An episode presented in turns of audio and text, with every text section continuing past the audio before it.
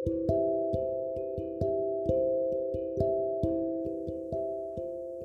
selamat datang di podcast Lalde Films. Sebuah podcast yang akan membahas sebuah film dan kehidupan di film tersebut. Uh, Di episode keempat ini Aku bakal membahas satu film yang barusan aku tonton Yaitu House of Hummingbird. Film Korea Selatan uh, Yang disutradari oleh Borakim Ditulis juga oleh dirinya. Dan di film ini sebenarnya udah aku tak aku tuh udah tahu film ini sejak Jeff tahun lalu. Jadi singkat cerita waktu itu aku ya karena waktu itu kan lagi uh, naik-naik yang paraset. Terus salah satu dosenku ada yang bilang ada satu film lagi yang um, menarik nih untuk diikutin. Dan dia bilang judulnya House of Hummingbird. Waktu itu film ini belum bisa kita tonton di apa di maksudnya masih di festival ya. Terus uh, waktu itu aku udah berencana sih untuk nonton film ini di Jogja Asian Network Film Festival di Jogja tapi ada satu lain hal nggak bisa nonton waktu itu.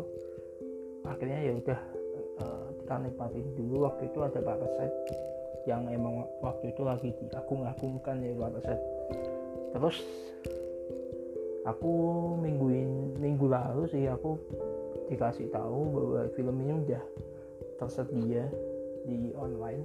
Terus aku coba nonton film House of Hummingbird film ini bercerita tentang seorang anak bernama Eun Hee yang hidup di tahun 1994 uh, setting tahunnya.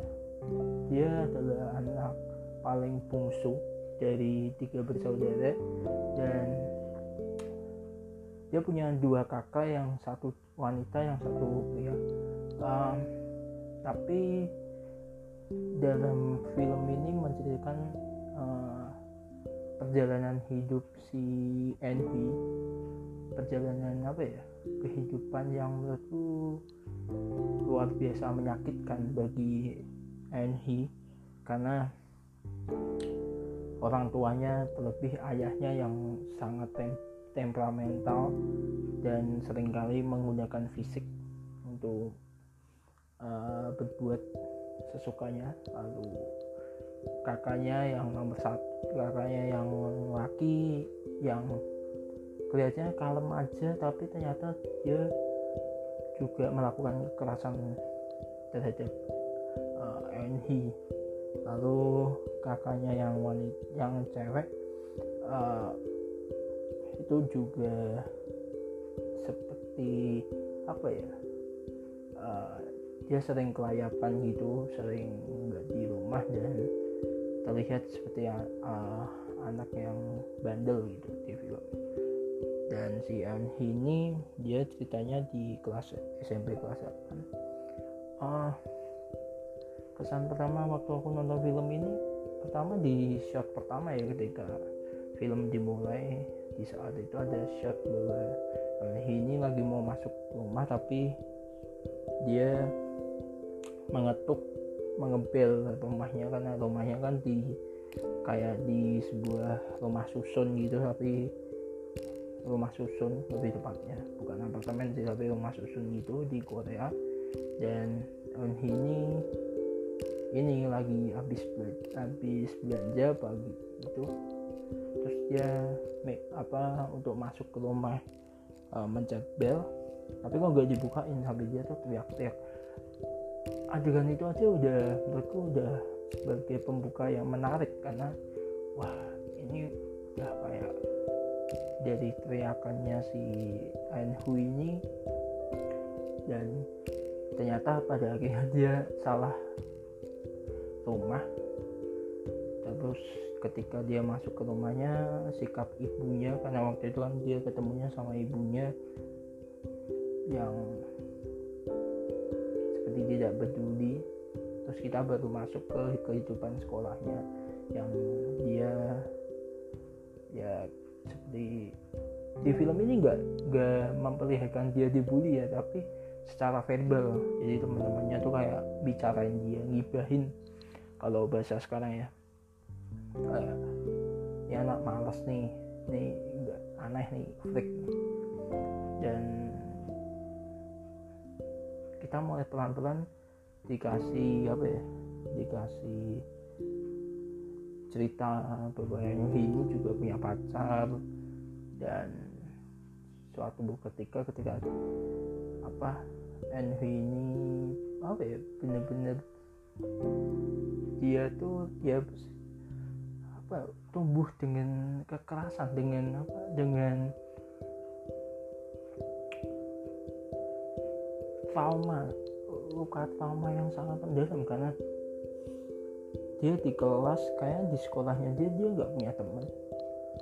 Terus baru kita tahu bahwa dia punya teman tapi di les-lesan Mandarinnya dan si namanya si Yongji.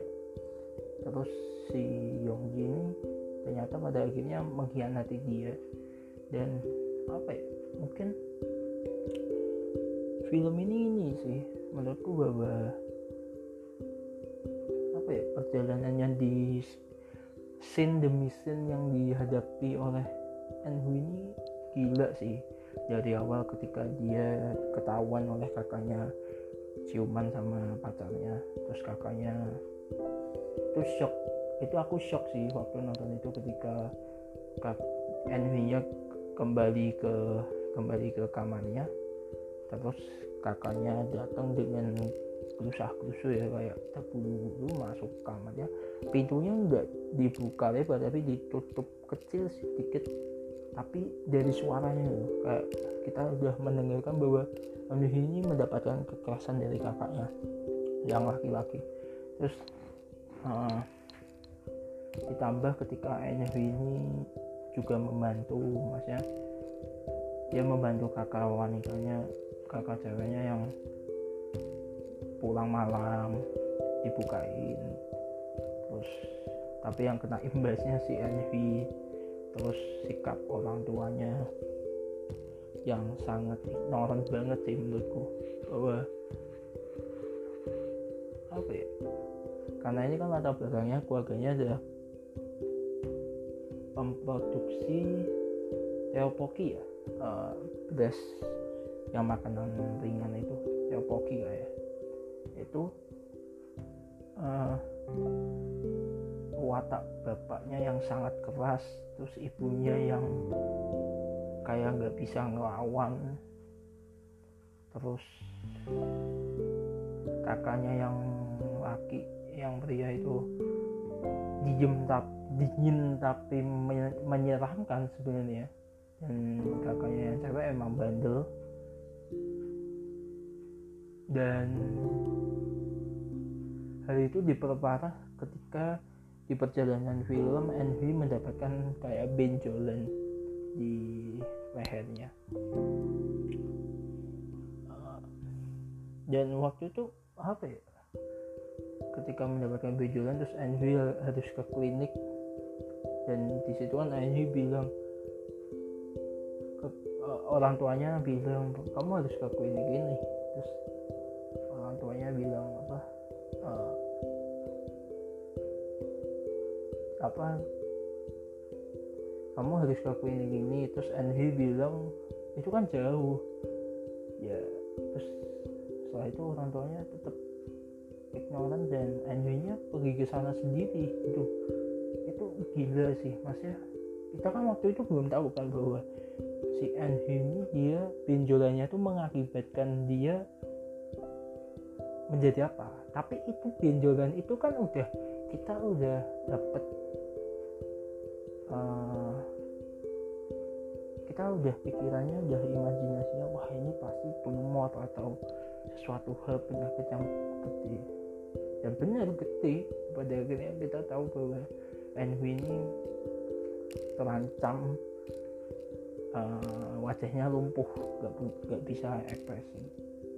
Terus nah aku ingat di adegan aku lupa sedikit adegan yang terakhir itu yang setelah kakaknya kekerasan. Enu ini bilang ke waktu makan bareng bilang bahwa waktu orang tuanya membanggakan si kakak prianya nih si NH bilang dia udah mukul aku. Terus tanggapan orang tuanya? Oke okay, tanggapan orang tuanya pertamanya kayak kaget tapi ya udah. Kayak ignoran ya ya udah gitu itu gila sih masa N keberanian NB untuk ngomong bahwa kakaknya habis memperlakukan dia secara kasar. Itu udah bagus loh. Itu apa ya itu relate sama aku maksudnya beberapa temanku yang wanita tuh rata-rata mereka punya dapat perlakuan kekerasan dan rata-rata mereka malah malu untuk mengungkap si NB ini dia justru mengatakan itu justru dia nggak takut meskipun kelihatan di, di mukanya dia agak ragu-ragu untuk ngomong gitu.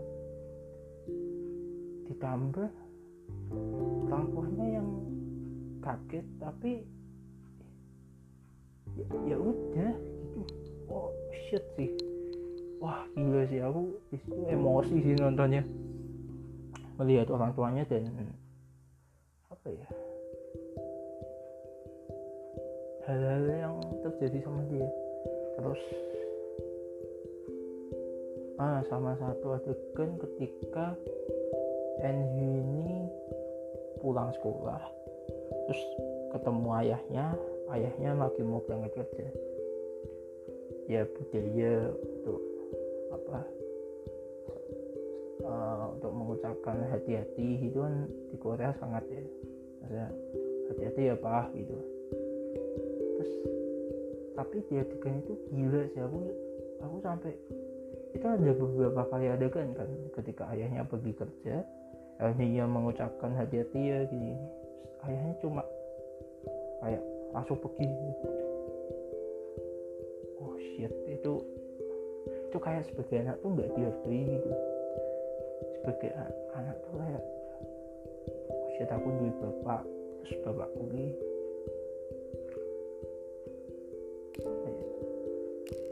malah melindungi aja nggak ada gitu loh. Apalagi punya hormat punya respect kepada anaknya gitu.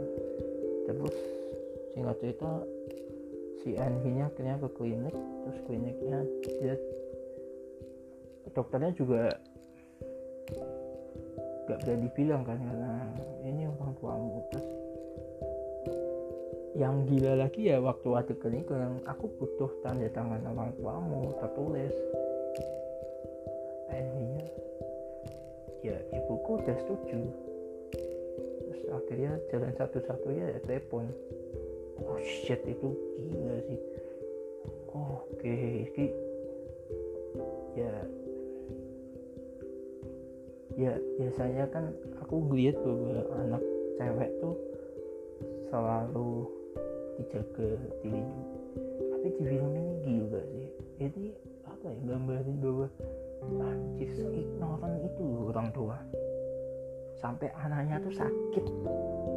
Sakit yang menurutku parah itu gitu terus ketika anaknya mau operasi itu nggak ditemenin. Oh shit itu terus si Enu ini juga kita awalnya waktu itu oh di tempat tes ini adalah cara dia untuk meluapkan emosinya. Karena kita tahu bahwa dia punya sahabat sih Yongji ini. Terus pada akhirnya kita baru tahu bahwa Yongji ini juga. Wah gila sih Yongji ini ya juga. Dia juga menceritakan apa yang dialami bahwa dia sering didapat kekerasan oleh kakeknya. Terus dia juga survive. Sebagai survivor lah yang aku bilang. Terus aku seneng ketika adegan mulai NG mulai oh, NG mulai mencoba untuk uh, masuk ke klub. Masuk ke klub. Di situ lihat bahwa dia tuh akhirnya bisa menemukan jati diri dia. Itu seneng. Dia loncat-loncat terus akhirnya dia dihampiri dan akhirnya dia ketemu sama uh,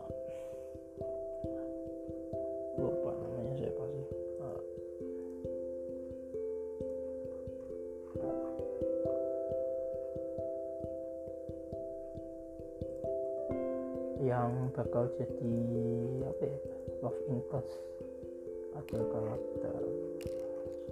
Lupa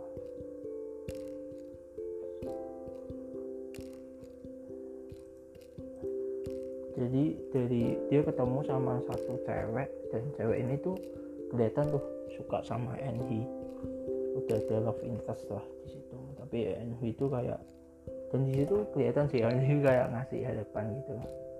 Tapi terus setelah itu kita baru tahu bahwa Enhi itu pacarnya si Enhi yang cowok. Pacar cowoknya si Enhi ini selingkuh sama cewek sama si Yongji ya. Itu kita baru tahu wah gila nih. Parah nih. Masa yuk sahabatnya ya menikung dia pacarnya juga setia. Padahal waktu ciuman pacarnya bilang ini first time. Ternyata bullshit terus setelah itu dia ketemu sama temen ceweknya ini.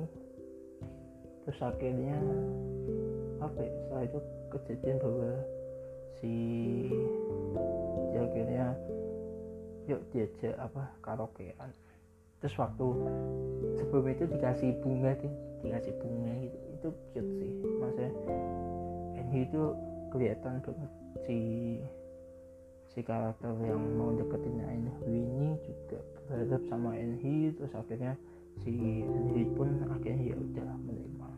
Terus adegan karaoke itu dengan nada-nada yang pas-pasan tapi itu dalam sih. Ketika dia bernyanyi itu jujur aku waktu adegan itu aku nangis sih. Karena apa ya itu tuh wah gila. Itu enggak kayak menusuk gitu sedih banget film itu. Terus di dalam terus ingat cerita si Anhi ini akhirnya dia ketemu sama satu guru les Mandarinnya ya. Dan dia klop nih sama guru les Mandarinnya terus setelah itu oh ya setelah itu kejadian waktu si NH nya ini habis mainan terus dia si diajak sama temennya yuk kita nguntit atau nyolong lah. Nyolong ke suatu tempat terus nyolong terus dia dia apa ngambil pulpen temennya ngambil apa gitu terus ketahuan. Terus di di sebab sama yang apa yang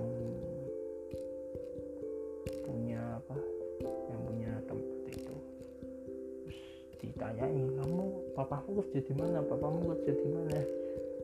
Si bangsat si temennya ini si Yongji ini bilang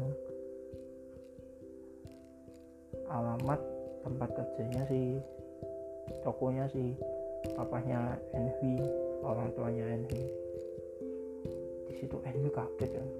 Nah, telepon ini anak bapak apa nolong ini ini, ini. terus yang bikin kita shock lagi itu apa ya? Yaudah kalau mau dikasih ke polisi silahkan wah aku langsung wah gila sih ini. Maksudnya wah gila sekejam-kejamnya orang tua gila sih ini gila sih. Nyerahin anaknya ke polisi gitu aja akhirnya si sampai sampai ya yang pen, punya toko ini juga kaget. Iki orang tuamu tenang pola lagi terus si akhirnya si Envy ini akhirnya dibebasin mereka. Terus Envy bertanya ke Yungji kamu tuh kenapa sih kok kayak gini kayak mengkhianati aku? Saya Yongji nya nggak bisa jawab akhirnya lari. Nah Envy lah di situ kita belum tahu bahwa wah gila nih Henry harus ke mana nih? Karena orang tuanya udah tahu wah pasti rumah chaos nih. Akhirnya Henry ke tempat les Mandarin dan akhirnya waktu itu dia nangis itu nangis terus akhirnya dia dibikinin teh. Itu itu juga aku bikin nangis sih gila. Wah gila penderitaan si Henry ini gila banget. Terus akhirnya si si siapa si NV nya akhirnya terus adegan masuk ke adegan rumahnya ketika lagi makan malam gitu. Terus kita ambil. Terus setelah itu ada chef. NV nya disetap anjir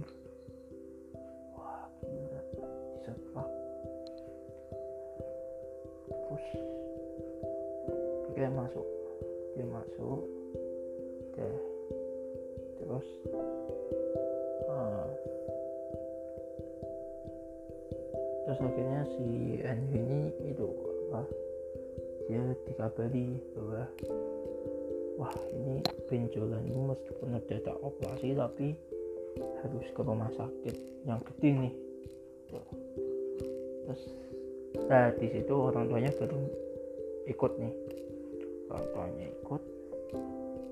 Terus dokter yang monis ini anakmu kemungkinan besar bisa kena kelumpuhan wajah yang nggak bisa ekspresi di situ adegan terus setelah itu adegan di ruang tunggu itu terus papanya ini nangis.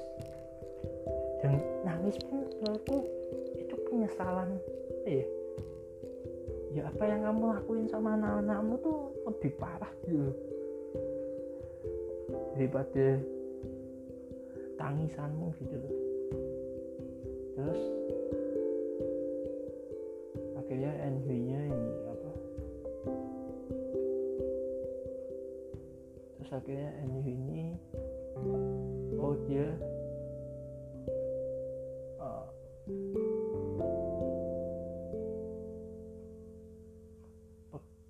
dia inilah apa uh,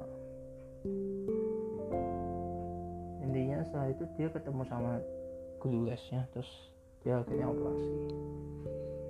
Terus waktu operasi itu itu gokil sih adegan rumah sakit tuh si Envy nya waktu orang tuanya mengantarkan si Envy apa Envy nya mengantarkan tuanya pulang terus ibunya bilang aku dateng ya ke depan. Hadir itu kayak bukan kayak mama papanya sendiri gitu yang selalu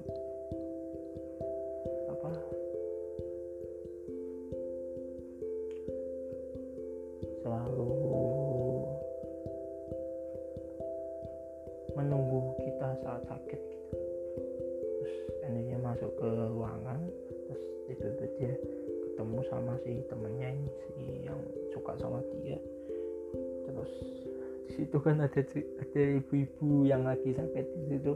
Terus ngomongin mereka ngomongin si Envy sama si cewek. Kasihan ya kamu gitu. Tapi lama-lama itu awalnya aku pikir bahwa itu mewakili kita ya sebagai penonton. Wah kasihan ya Envy gini-gini. Itu nggak ada yang jaga. Terus akhirnya itu jadi mengganggu gitu lama-lama. Terus akhirnya Envy itu si lainnya ditutup terus akhirnya dia ngomong. Terus akhirnya si ya si yang deketin Envy ini ceritalah dia dia dia, dia tuh suka sama Envy terus itu gila sih itu terus akhirnya ternyata ya akhirnya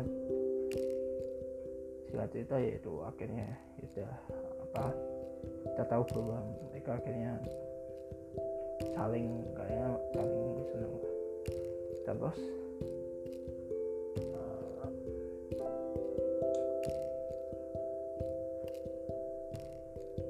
cerita ini guru lesnya datang. Guru les mandarinnya datang. Terus uh, terus dia cerita lah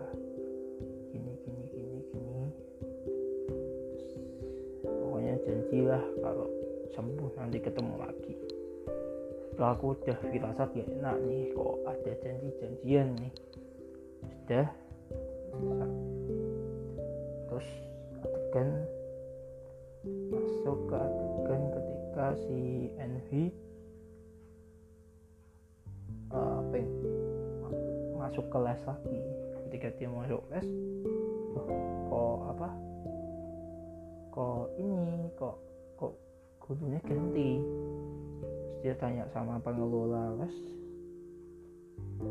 uh, ternyata di, keluar. Terus Envy akhirnya terus tanya kira-kira kapan ya ke sini oh jam 2 hari Sabtu apa Minggu gitu. Oke akhirnya kembali. Terus dia ke situ jam 2 terus dia tanya lagi loh mana? Dia tak tungguin kok enggak ada iya kan tadi datangnya jam 11 dengan cuek gitu. Menggapangkan penhuinya marah. Kamu tuh harusnya ngomong. Gini gini deh. Akhirnya singkat cerita cepet si Anhiya apa di dalam kamar sambil merenung orang tuanya yang kayak kayak marahin si Anhi kayak di kunci pintu apa pintunya ditutup. Ternyata Anhi dikeluarin dari tempat les-lesannya terus dimarah ya itu emosi naik. Envy itu gila sih adegan itu. Wah ketika Envy marah meluapkan gedenya itu kita tahu bahwa dari awal Envy ini kayak bom gitu kayak bom yang nanti bakal meledak di suatu saat dan ya di momen itu dia meledak. Dia, dia kayak marah membabi buta gitu. Dia mas orang tuanya masuk kakaknya masuk.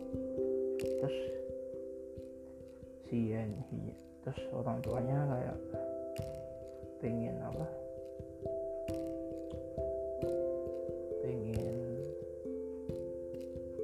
meredakan si Enhi terus si kakaknya yang pria nampar si Enhi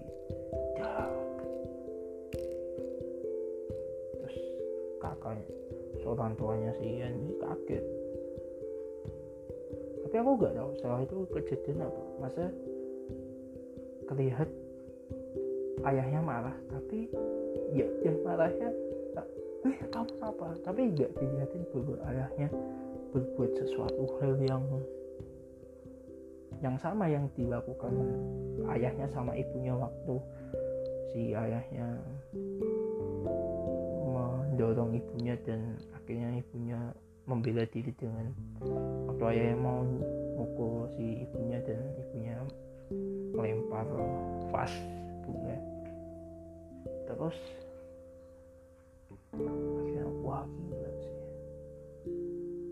terus singkat terus cerita berlanjut ketika si Enhi lagi di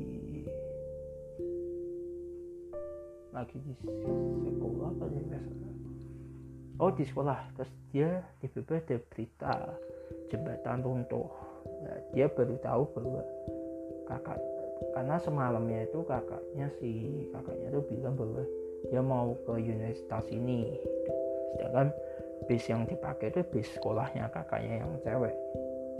Terus si N ini akhirnya dia panik kan dia telepon dia telepon ayahnya kamu kamu udah telepon si kakaknya si siapa namanya? Si Yuri. Kamu udah Sohi. Kamu udah tanya sama Sohi. Udah sama udah telepon uh, Sohi. Panik terus tinggal cerita ternyata si kakaknya ini selamat. Terus tapi narasinya gila.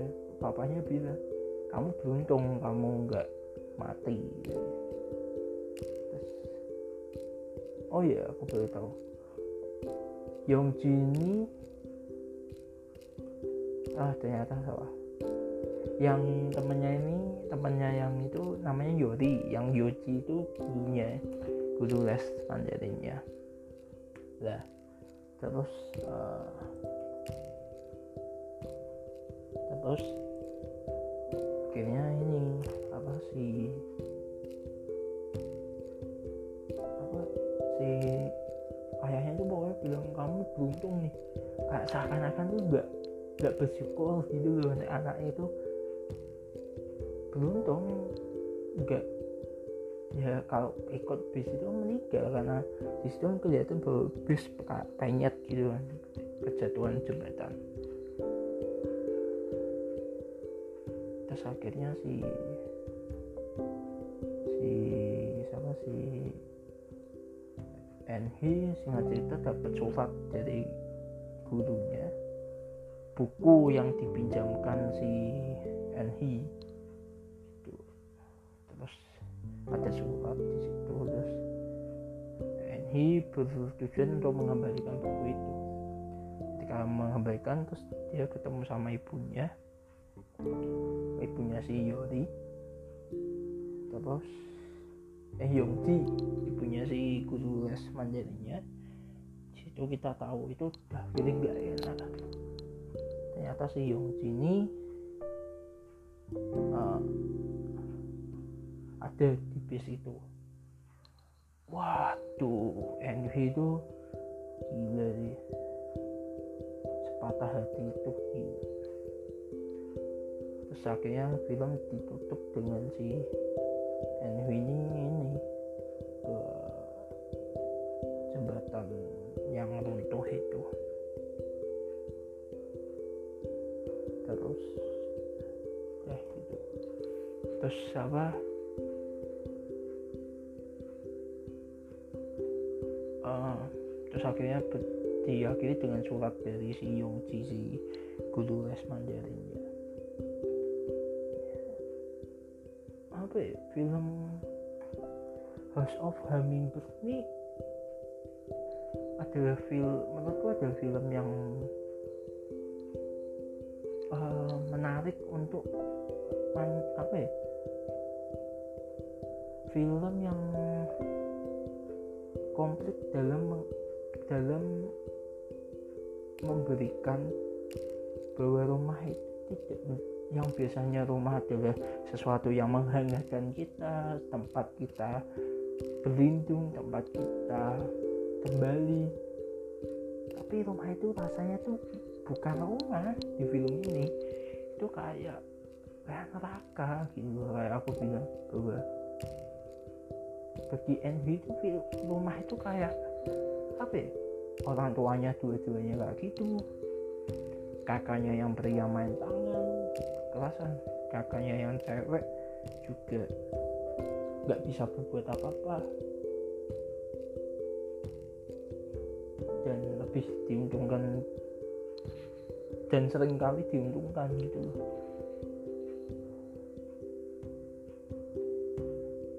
Apa ya menurutku bahwa film ini komplit dalam mengatakan bahwa apa ya kehidupan bahwa film kita kita biasanya melihat bahwa film Korea itu kan cheerful ya kan? Masa menarik. Tapi lewat dua film Parasite dan House of Hummingbird kita tahu bahwa Korea sebenarnya ya sama aja kayak kita. Dan menurutku ya sama. Di Indonesia juga perlakuan pria terhadap wanita ya sama. Masih banyak kasus pelecehan seksual yang nggak selesai-selesai di Indonesia dan lebih menguntungkan prianya pelaku ya. Terus sistem patriarki yang lelaki harus di apa ya harus laki itu yang paling berkuasa. Wanita tuh udah di rumah aja masak bikin makan berkebun. Itu. Bahwa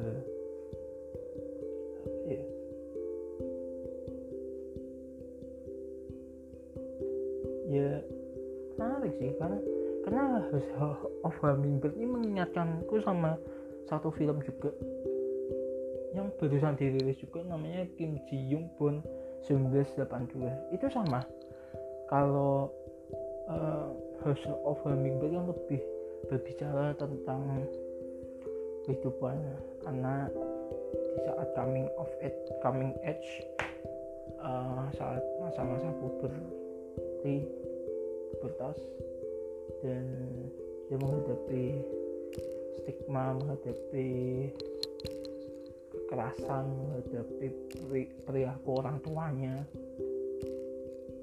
Menurutku Kim Ji Young 1982 ini juga lebih menjadi karena ceritanya kan tentang seorang istri yang dia nggak mendapatkan hak itu maksudnya dia suaminya lebih nurut sama ibunya. Terus dia nggak dihargai dalam lingkungannya dalam itu nggak boleh kerja.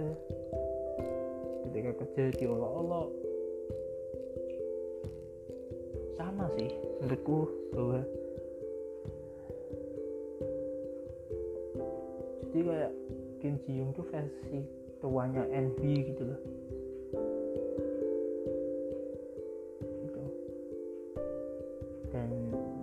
temanya juga settingnya di tahun 1970-80an sama kayak House of Hummingbird kan di tahun 90-an gitu aku kayak perlu sih riset tentang apa sih yang terjadi di Korea waktu zaman zaman itu. Karena menurutku udah ada dua film nih yang Kim Ji Young 1982 terus House of Hummingbird yang bersetting di tahun 94 yang udah menceritakan bahwa wanita tuh selalu apa ya? Ya. Wanita tuh selalu menjadi dilemahkan gitu lah. Dan itu relate sama kehidupan kita di Indonesia yang apa ya menurutku bahwa kasus-kasus pelecehan seksual, kasus-kasus pemerkosaan, apa ya, yang wah gila sih, yang rapotnya merah banget gitu di Indonesia. Sistem kita, sistem pendidikan kita yang sangat tidak mendukung wanita. Itu sih. Dan film ini ditambah bahwa dia punya sisi emosional ya. Jadi kita sebagai penonton tuh merasakan nih apa yang dia lampi sama Enhi gitu loh. Deket sama dia kayak temennya kita gitu loh itu. Gitu.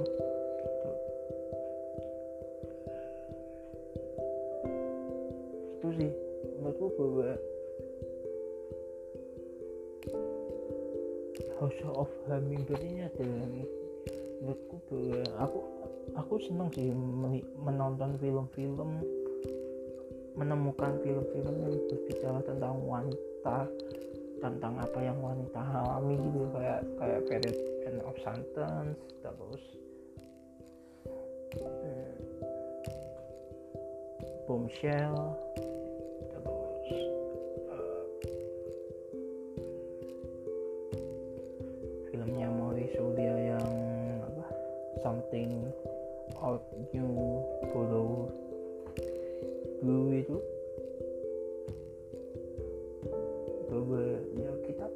maksudnya sistem di Indonesia yang masih dan itu relate ya sama Indonesia bahwa sistem di Indonesia masih belum bisa mengakomodir wanita. Jadi ya benar kata salah satu dosenku bahwa jadi wanita di Indonesia itu sulit. Apalagi di Asia apalagi di ya kehidupan sekarang gitu. Aku nggak tahu di Korea sekarang kayak gimana mungkin aku perlu riset dan pastinya bakal riset tentang apa sih yang terjadi di Korea sekitar tahun itu itu loh. Itu sih uh, yang bisa aku share tentang film House of Hummingbird dan aku nggak kaget bahwa film ini menjadi film terbaik di JAV tahun lalu. Terus dia menang di Berlin juga kayak menang di Busan ya? Sebenarnya itu itu sih uh, ya aku bersyukur bisa menonton film ini karena menurutku ini film penting gitu. apa ya? Bahwa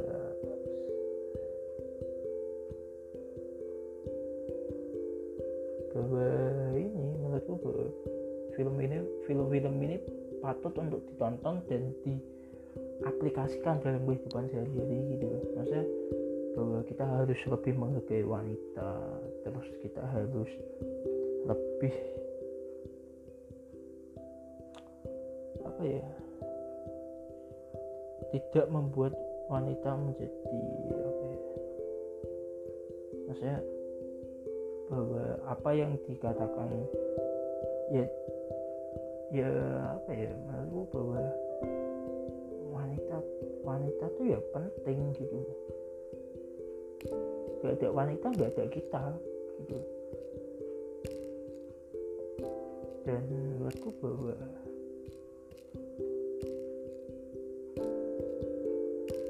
bahwa hal-hal seperti ini perlu untuk kita edukasi kepada teman-teman kita kepada saudara kita maksudnya. Karena menurutku masih banyak orang yang masih meremehkan masih menganggap bahwa ya kayak kayak waktu ketika wanita sedang marah-marah terus dibilangin eh kamu PMS ya? Yang memiliki dasaran bahwa oh wanita tuh enggak kalau berpendapat dengan marah-marah dan lain berarti dah, di, dah dianggap rasional ya. Karena PMS itu kan konteksnya tidak tidak rasional gila sih menurutku kita perlu sih untuk apa ya belajar untuk lebih menghargai wanita lebih bahwa ya tentang emansipasi wanita itu penting gitu. Derajat wanita tuh ya harus sama sama pria gitu loh itu sih.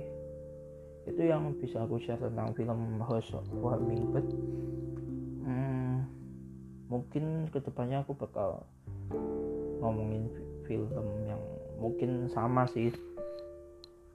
Tapi kita lihat dulu oke terima kasih sudah mendengarkan terima kasih